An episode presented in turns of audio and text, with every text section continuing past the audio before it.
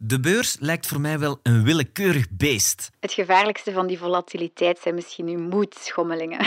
Maar de beurs is helemaal niet zo willekeurig als het soms lijkt. Het is eigenlijk een plaats waar dat vraag en aanbod samenkomen. Vraag en aanbod van geld eigenlijk. Beleggers proberen natuurlijk de beurs te voorspellen. Maar 100% zeker ga je echt nooit kunnen zijn. Dus we moeten ons hoofd koel zien te houden. Paniek is echt dé reden waarom dat veel beleggers verlies maken. En op onderzoek trekken. Ja, je kunt eigenlijk van de bedrijven waar je in beleggen nooit te veel weten. Begrijpen hoe de prijs van een aandeel tot stand komt is dus heel belangrijk. Charlotte en Cédric vertellen het mij.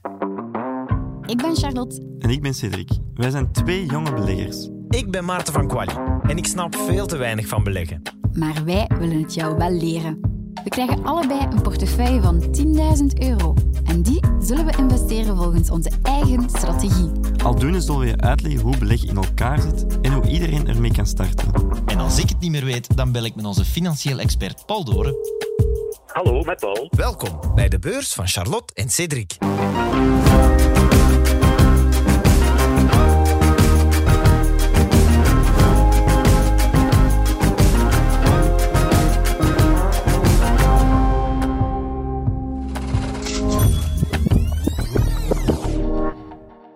Heel spijtig nieuws, maar ik ben net gaan kijken wat mijn portefeuille aan het doen is.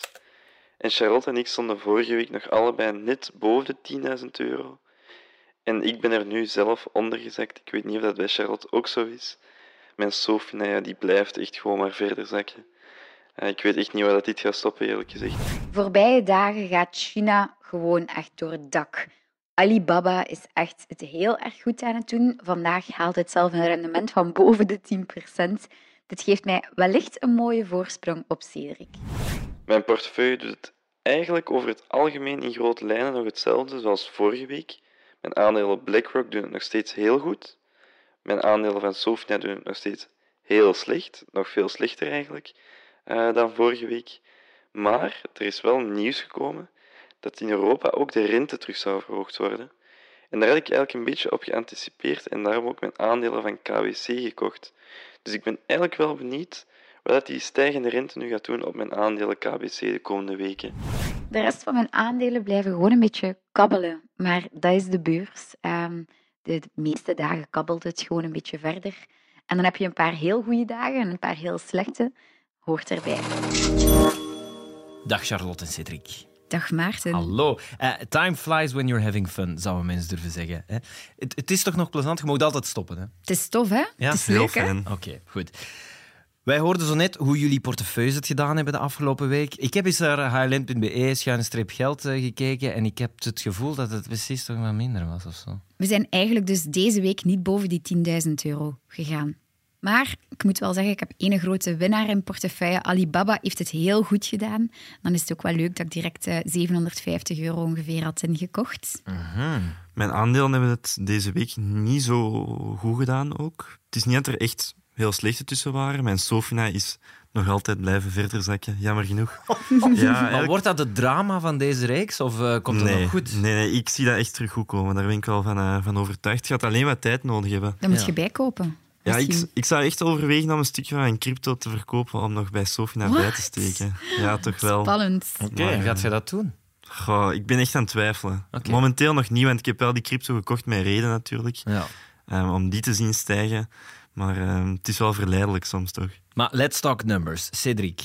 Ik sta momenteel op 9.873 euro. En jij, Charlotte? Ik 5 euro onder de 10.000 euro. Dus Oh. Dat is pijnlijk, hè? want psychologisch had het mooi geweest als je Maar- er net boven zat. we hebben wel meer dan de transactiekosten al terugverdiend. Dus eigenlijk hebben we al een beetje winst. Ja. Nu, Cedric zei het al, zou misschien een beetje crypto verkopen om Sophie dan bij te kopen. Zijn er zo nog bewegingen die we bij jullie kunnen verwachten deze week? Ik heb nog 240 euro in cash staan. Ik ben aan het wachten tot er ergens een dip kwam. Mocht bijvoorbeeld Sofina in mijn portefeuille gezeten hebben, had ik daar ook wel eh, misschien 250 euro extra aan gekocht. Maar eh, ik ben gewoon een beetje buy and hold momenteel en ik wacht af wat de beurzen het gaan doen. Ik hoop ook dat China verder herstelt. Ehm, ze zijn volledig uit lockdown. Zowel eh, Shanghai als ook Peking is gewoon weer volop economisch aan het draaien. Dus dat is alleen maar goed voor mijn Alibaba. Hm. Bij jou, Cedric?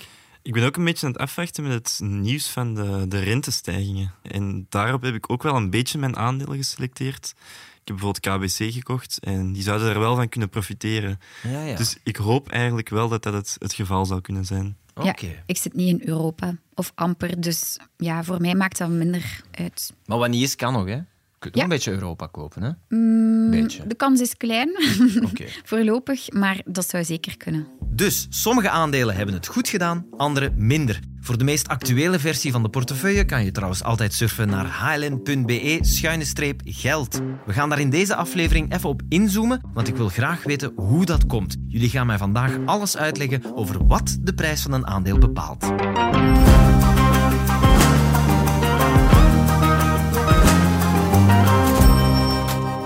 Oké, Charlotte en Cedric. De beurs lijkt voor mij, ja, ik ga er eerlijk in zijn, zo'n beetje een, een, een groot en machtig beest dat iedereen probeert te temmen. Maar het werkt niet zo willekeurig. Nee, het is helemaal niet willekeurig. Het is eigenlijk een plaats waar vraag en aanbod samenkomen. Vraag en aanbod van geld. Je hebt enerzijds hè, de bedrijven die geld nodig hebben om te groeien. En anderzijds heb je een aanbod van geld. En dat zijn de investeerders die mee willen genieten van de groei van die aandelen of van die bedrijven. Ja. Bedrijven beginnen meestal met dus eigen kapitaal. hè. Daarna gaan ze dan vaak ja, lenen bij familie en vrienden bijvoorbeeld. Of bij de bank. Maar natuurlijk op een bepaald moment heb je, als je echt heel groot wilt worden, veel meer geld nodig dan dat. En dan kan je naar de beurs gaan om daar eigenlijk heel veel kapitaal in één keer op te halen. Ja, dus de beurs is heel belangrijk voor de economie, Charlotte. Ja, de beurs is superbelangrijk voor de economie. De meeste bedrijven zijn niet actief op de beurs. Dat hoeft ook niet. Het is pas echt als een bedrijf geld nodig heeft en ze gaan naar de beurs door aandelen uit te geven of door obligaties uit te geven, dat die bedrijven ook zichtbaar zullen zijn op de beurs. Dus ik vind het eigenlijk een heel mooi gegeven dat eh, mensen kunnen stemmen met hun geld en dat ze dus eigenlijk door bedrijven te kopen kunnen zeggen van oké, hier investeer ik in, hier wil ik mee aan helpen eh, werken. Maar waarom zitten niet alle bedrijven op de beurs? Want je zou toch kunnen zeggen, als het zo makkelijk is, gewoon even naar de beurs gaan. Hier moet je een tiende van mijn bedrijfje hebben. Knal en kasje. Ik denk dat er gewoon veel bedrijfsleiders zijn die niet willen aandelen uit handen geven. Hè. Eh, En soms hebben bedrijven gewoon kapitaal genoeg. Het is echt als, ze als bedrijven pas echt heel veel kapitaal nodig hebben voor eventuele investeringen te doen, dat ze naar de beurs gaan. Plus naar de beurs gaan heeft ook wel zijn nadelen, want je moet een heel transparante boekhouding bijhouden. Er worden heel zware regels opgelegd voor beursgangers. Ehm, bij zo'n IPO, dat is een beursgang, moet je eigenlijk plots aan keiveel boekhoudkundige regeltjes voldoen. Je moet veel meer ja, transparantie gaan vertonen en dat vraagt natuurlijk ook heel veel werk. En het is ook een belangrijk argument, denk ik, dat het heel duur is om naar de beurs te gaan. Zoals Charlotte zei, een IPO is een initial public offer. Dus de eerste keer dat een, een aandeel op de beurs gaat. En dat kost eigenlijk heel wat geld. En dat geld dat gaat naar de beursuitbaters. Ja, ja, ja. Maar goed, een bedrijf trekt dus naar de beurs en dan kunnen wij aandelen kopen van dat bedrijf. We betalen daar ook een eh, bepaalde prijs voor. Bijvoorbeeld, ik zeg maar iets, 100 euro per aandeel. Maar wat zorgt er nu voor dat een bepaald aandeel 100 euro kost? Hoe wordt die prijs precies bepaald? Ja, als je een aandeel wilt kopen via Bolero, zoals wij het gedaan hebben, Ja? dan moet je een order ingeven. En dan zeg je van, ik ben bereid om dat bedrag voor dat aandeel te betalen. Of voor te verkopen, natuurlijk. Dat is dan een limietorder, dat zeg ik juist. Ja, ik, inderdaad. ja. Dan zeg je eigenlijk hoeveel dat je maximaal ervoor wilt Ja. betalen of hoeveel dat je er minimaal voor wilt krijgen als je het Ik verkoopt. vind het zo vervelend, want dan moet je zo wachten. Ik ben daar te ongeduldig voor. Dat is waar. Je kunt ook een marktorder ingeven Ja. en dan ga je het automatisch naar de beurs sturen. Maar dan kan je wel ja, soms te veel betalen voor je, voor je aandeel. Ja. En al die orders die worden verzameld in een centraal orderboek. En daarin staat hoeveel aandelen dat er aan welke prijs gekocht willen worden en hoeveel dat er verkocht willen worden. Ook, hè. Dus dat wordt eigenlijk, de vraag en aanbod wordt in een centraal orderboek samen verzameld. Ja. En de hoogste prijs dat een potentiële koper wil betalen voor een aandeel, dat noemt men de biedkoers. Die kan je ook altijd in de app van je broker zien. Staat er biedkoers en dat is dus de hoogste prijs dat iemand op die moment voor het aandeel wil betalen. Stel, je hebt een, een paar schoenen. De hoogste prijs dus dat iemand bereid is om voor dat paar schoenen te betalen, dat noemen we dus de biedkoers. En dat is een potentiële koper. Belangrijk is wel dat er een match nodig is. Dus er is ook iemand nodig die aan die prijs die schoenen wilt verkopen. Ja. Dus eigenlijk gewoon de markt. hè. Allee, zoals, zoals letterlijk op de markt. hè. Klopt. Maar het is dus niet een soort systeem dat bepaalt hoeveel een aandeel kost. Mensen geven bijvoorbeeld op Bolero in hoeveel wil ik betalen voor een aandeel. Het is niet dat je te nemen of te laten aan die prijs moet kopen. Nee, het is dus eigenlijk zo, hè, die prijs die je ziet staan van een aandeel, dat is niet de prijs die jij moet betalen, dat is eigenlijk de koers waaraan het de laatste transactie is doorgegaan. Maar dat wil niet zeggen dat jij nog aan die koers die transactie kunt doen als er niemand aan die prijs wilt verkopen natuurlijk. Anderzijds heb je dan de laagste koers waaraan een verkoper zijn aandelen wilt verkopen en dat noemt men de laadkoers. Ja. Oké, dus je moet echt een beetje onderhandelen, zoals op Vinted of op tweedehands.be, zo die vibe eigenlijk. Goh, nee, totaal niet. Vroeger was dat wel zo. Hè. Ik weet niet of jullie de film Wolf of Wall Street hebben bekeken, maar Ja. daarin zie je echt zo al die brokers zeg maar, bellen en rondbellen. En ik heb, altijd, hè? ik heb weer een verkoper, Ja. wilt jij kopen? En zo verder. Maar vandaag de dag loopt dat niet meer zo. Eh, vandaag loopt alles automatisch, inderdaad, via die brokerplatforms. En eh, ja, gaat dat eigenlijk heel snel. Ehm, dat is ook een beetje de democratisering van de beurs geworden, want op die manier is het veel makkelijker om digitaal te gaan kopen. Ehm, en dat zorgt ervoor dat ik inderdaad aandelen vanuit mijn luie zetel kan kopen. Elke keer dat je een- naar een aandeel van een bedrijf kijkt en je ziet die koers veranderen, is elke keer dat er een transactie gebeurd is ook. Want eigenlijk zodra dat er geen transacties gebeuren, verandert de prijs van het aandeel natuurlijk ook niet. Maar het, is, het zijn dus een beetje Tinder-vibes. Het is echt, er moet een match zijn tussen de twee. Inderdaad, er, er moet dus altijd een match zijn tussen een koper en een verkoper. Ja. En normaal gezien op grotere aandelen, denk aan een Microsoft en een Apple, is eigenlijk nooit een probleem. Met kleinere aandelen kan dat soms al wat moeilijker zijn. En ook vooral 's ochtends is een heel belangrijk moment. eh, want dan gebeuren eigenlijk de meeste beurstransacties. Omdat mensen als de beurzen sluiten s'avonds hun orders voor bijvoorbeeld de dag daarna ingeven. En ja, 's ochtends zijn er dan heel veel schommelingen op de, op de beurzen vaak. Met die matches dan gezocht worden. Ja, ja, ja. Kijken jullie vaak 's ochtends of, of ook op andere momenten? Goh, ik kijk wanneer ik tijd heb. Ik check eigenlijk de beurzen de hele dag door. Zeker crypto. Hè. De cryptomarkt is altijd open. Dat maakt nog een verschil met de gewone aandelenmarkten.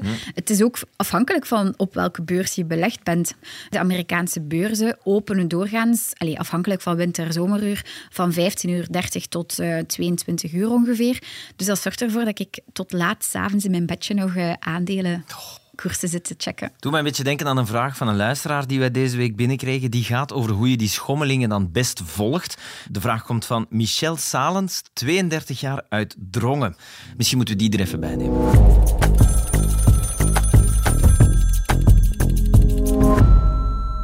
Dag Charlotte en Cedric. Eh, ik vroeg mij af hoe jullie de koers van jullie aandelen, ETF's en holdings en zo opvolgen. Bestaat daar één overzichtelijke app of website voor of hebben jullie een aanrader? Hey Michel, ik heb eigenlijk een heel leuke app, ook een gratis app die ik heel graag gebruik, zijn de Yahoo Finance. Je kan daar niet alleen eh, een eigen portefeuille samenstellen, jou, een kopie maken van jouw bestaande portefeuille, maar ook een watchlist maken. Zeg maar een lijstje met aandelen die je in het oog wilt houden. En daar ga ik eigenlijk op één zicht al mijn aandelen gaan eh, nakijken. Je Ja. kan daar ook cryptomunten aan toevoegen. Nu, er zijn nog andere apps. Ik denk daar bijvoorbeeld aan Delta of op je broker zelf. Ehm, dat doe ik ook. Ja, gewoon de, de app van je broker. Ik werk zelf ook met Yahoo Finance. Ehm, en ook ja, op mijn gsm heb ik ook een app met aandelen. Ehm, ik denk dat alle gebruikers van iPhone die. die Gewoon app de iPhone-app van aandelen. Ja, inderdaad. Dus daar kan je ook snel het, het overzicht op zien. En ook Google gewoon. Hè. Als je bijvoorbeeld gewoon Sofina-koers opzoekt of Microsoft Stock, ehm, dan kom je ook meteen op de grafiek van die, van die aandelen. Ja. krijg je een mooi overzicht. En ja, uiteraard via Bolero check ik eigenlijk het meeste, omdat je dan heel gemakkelijk het overzicht hebt van de aandeel die jij specifiek hebt, Ja. wat dat die aan het doen zijn. Maar goed, dus eigenlijk alles wat jullie hier zeggen, dat zijn allemaal gratis apps. Hè? Daar moet je niet voor betalen. hè. Yes, iedereen kan ze gewoon downloaden.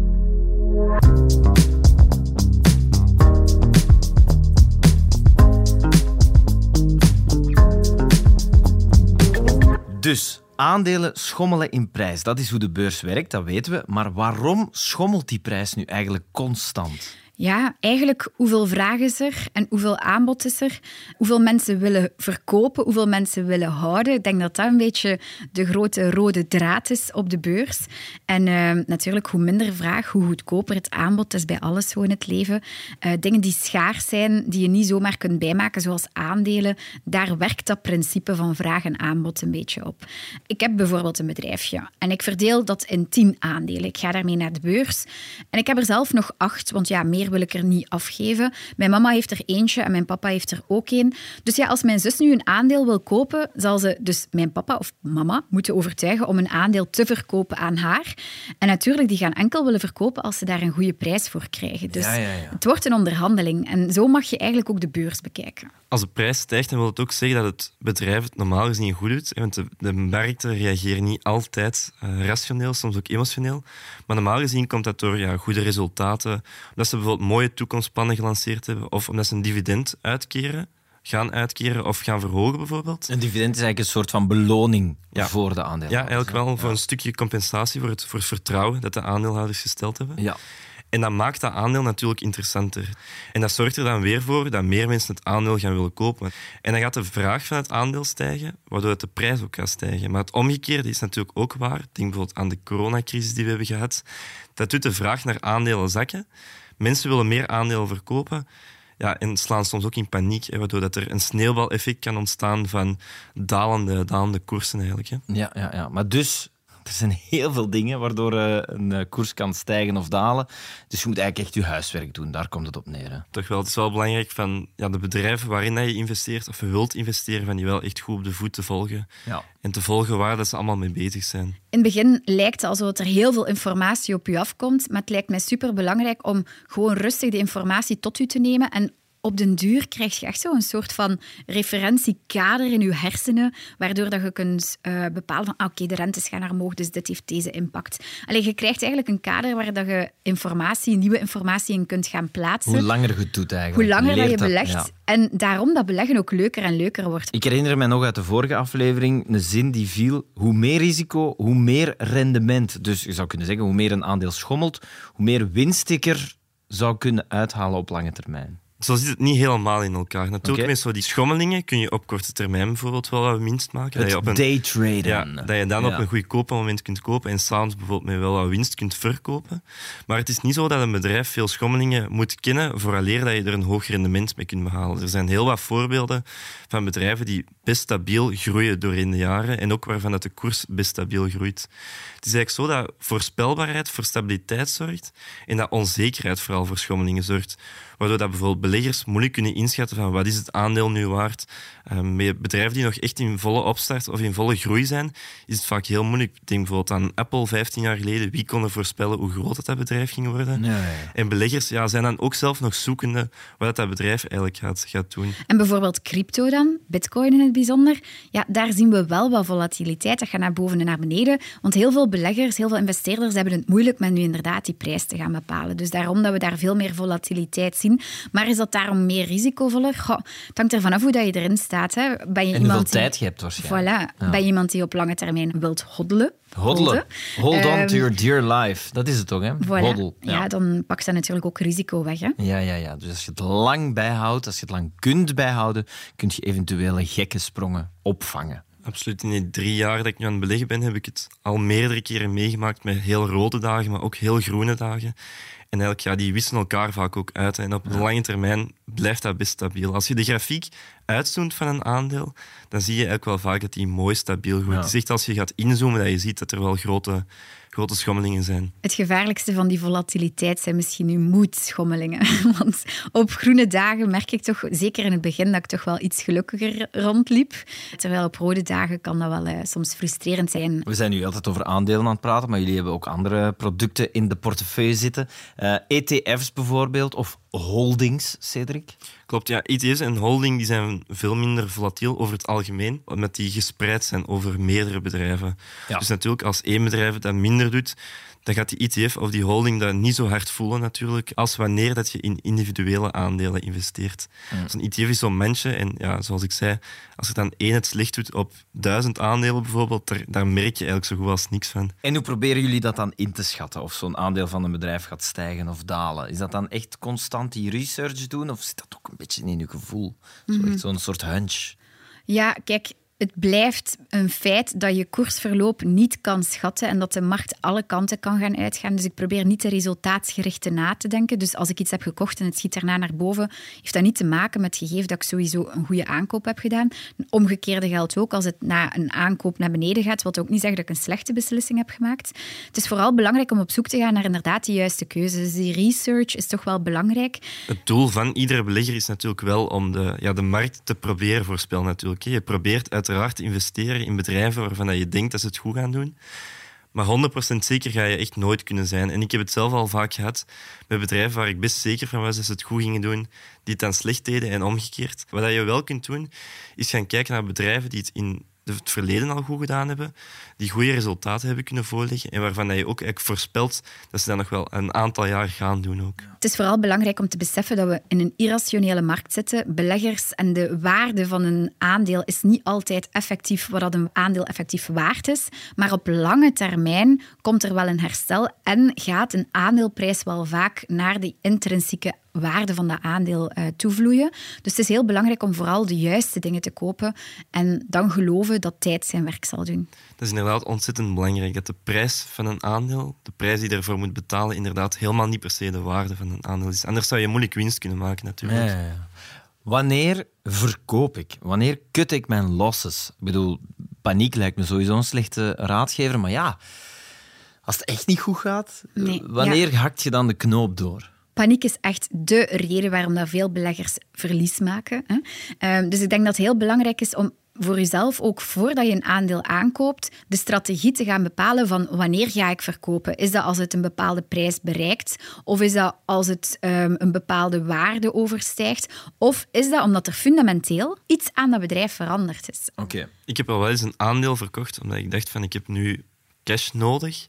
Omdat ik denk van er is een ander aandeel waarvan ik verwacht dat het eigenlijk beter gaat doen. Dus dat was voor mij ook wel een argument al om in het verleden eens een aandeel eigenlijk sneller te verkopen dan ik voorzien had. Dat brengt ons bij het onderwerp van volgende week, want dan hebben we het over die beleggingsstrategieën. Paniek is dan een slechte, dat weten we al. Ik ben wel voor de rest heel benieuwd. Ik heb het gevoel dat ik vandaag toch alweer heel veel bijgeleerd heb en dat ik het beursbeest al een beetje beter begrijp. Of ik het zelf zou kunnen, zo die aandelen inschatten en de juiste beslissingen nemen, daar heb ik misschien nog een klein beetje tijd voor nodig. Maar in ieder geval nu al, dankjewel Charlotte en Cedric. Het komt ooit wel goed met mij, dankzij jullie. Zeker en vast, Maarten.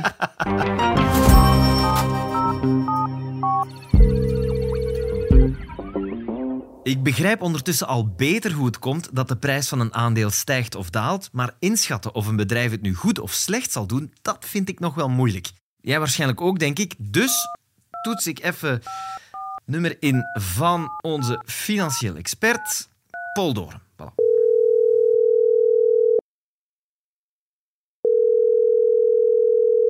Hallo, met Paul Doren. Dag Paul, het is Maarten nog eens. Alles goed? Prima, prima, met jou. Ja, zeker, zeker. Ik heb eh, op, opnieuw een eh, podcastaflevering opgenomen met Charlotte en Cedric. Het ging deze keer over hoe de prijs van een aandeel bepaald wordt. Ik vond het interessant. Veel heeft te maken met of het bedrijf het goed zal doen. En dan moet je dat nieuws rond dat bedrijf goed opvolgen, dat snap ik. Maar ja, ik moet zeggen, hoe je daar dan aan begint, dat is voor mij nog een beetje een raadsel. Moet ik nu zo een kaft bijhouden met krantenknipsels? Of, of hoe doe jij dat? Ja, je kunt eigenlijk van de bedrijven waar je in beleggen nooit te veel weten. Maar natuurlijk, het moet een beetje behapbaar blijven. En eh, ik zou eigenlijk het omgekeerde zeggen. Veeg eerst eens de tafel helemaal leeg. Begin met een, met een wit blad. Ja. Eén bladzijde en schrijf daar eens op wat jouw bedrijf eigenlijk doet. Wat, wat, in wat voor bedrijf heb ik nu belegd? Wat doet dat bedrijf eigenlijk? En als je er niet in slaagt om dat in eenvoudige zinnen op één wit blad te schrijven, dan is er waarschijnlijk iets mis. Dan, dan ben je verkeerd bezig, dan heb je belegd in iets waarvan je het blijkbaar zelf niet snapt. Eh, je kunt wel een bedrijf hebben dat een heel mooi verhaal kan vertellen, maar je moet toch ook wel weten hoe het winst maakt. Ja. Dus ja, wat moet je dan eigenlijk doen? Ik ga een vergelijking maken. Hè. Je weet dat er een sport is waar ik een warm hart voor heb. Dat is het wielrennen. Mhm. Dat is waarschijnlijk omdat het ook met koersen te maken heeft. Ehm, Waarschijnlijk, ja. als de Ronde van Frankrijk wordt gereden, dan is elke dag een rit. ja. En dan staat er in de krant of op het internet staan er pagina's, pagina's vol met verhalen en interviews en commentaren. Met een bedrijf is het een beetje hetzelfde. Je moet niet naar de verhalen in de eerste plaats kijken, je moet naar de rituitslag kijken. En wat is de rituitslag? Dat is de resultatenrekening. Elk kwartaal of minstens elk half jaar moet een bedrijf zijn resultaten bekendmaken. En je moet dat niet helemaal uitpluizen. Je moet naar de bovenste lijn kijken. Hoeveel geld is er hier binnengekomen? Dat Ja. is belangrijk. En is er meer binnengekomen dan de vorige keer? En je moet ook naar de onderste lijn kijken. Hoeveel winst hebben ze daaruit overgehouden? En als daar van boven een groeiend cijfer staat, er is meer geld binnengekomen, en onderaan staan er verliescijfers die ook alleen maar groter worden, dan deugt het ook niet natuurlijk. Het bedrijf verkoopt meer producten en het leidt meer verlies. Ja, dan deugt het niet natuurlijk. Dat kan later misschien wel goed komen, maar als je een beginnende belegger bent, dan moet je zeker niet beleggen in bedrijven die voortdurend meer verlies maken. Want de kans dat dat verkeerd loopt is heel erg groot. Dus je moet een beetje belangstelling hebben voor de cijfers ook. Je moet het verhaal kennen, je moet weten wat ze doen en je moet ook weten hoe ze geld verdienen en of ze geld verdienen. Ik moet zeggen, ik vind dat een geruststellend antwoord, want ik heb drie kinderen en toch alleen een drukke job. En zo'n jaarverslag lezen, dat klinkt als iets wat behapbaar is. Want inderdaad, als je al dat nieuws moet volgen, dat lijkt me eh, minder handig als je het voor de rest heel druk hebt. Dankjewel, Paul Doren, en tot volgende week. Dit was de vierde aflevering van de beurs van Charlotte en Cédric. Volgende keer hebben we het over beleggingsstrategieën. Zo leer ik mijn emoties uitschakelen tijdens het beleggen. Als je daar nu al een vraag over hebt, kan je die stellen op hln.be-geld. Daar kun je ook de volledige portefeuilles terugvinden in de blog van Charlotte en Cédric. Bedankt voor het luisteren en tot volgende week.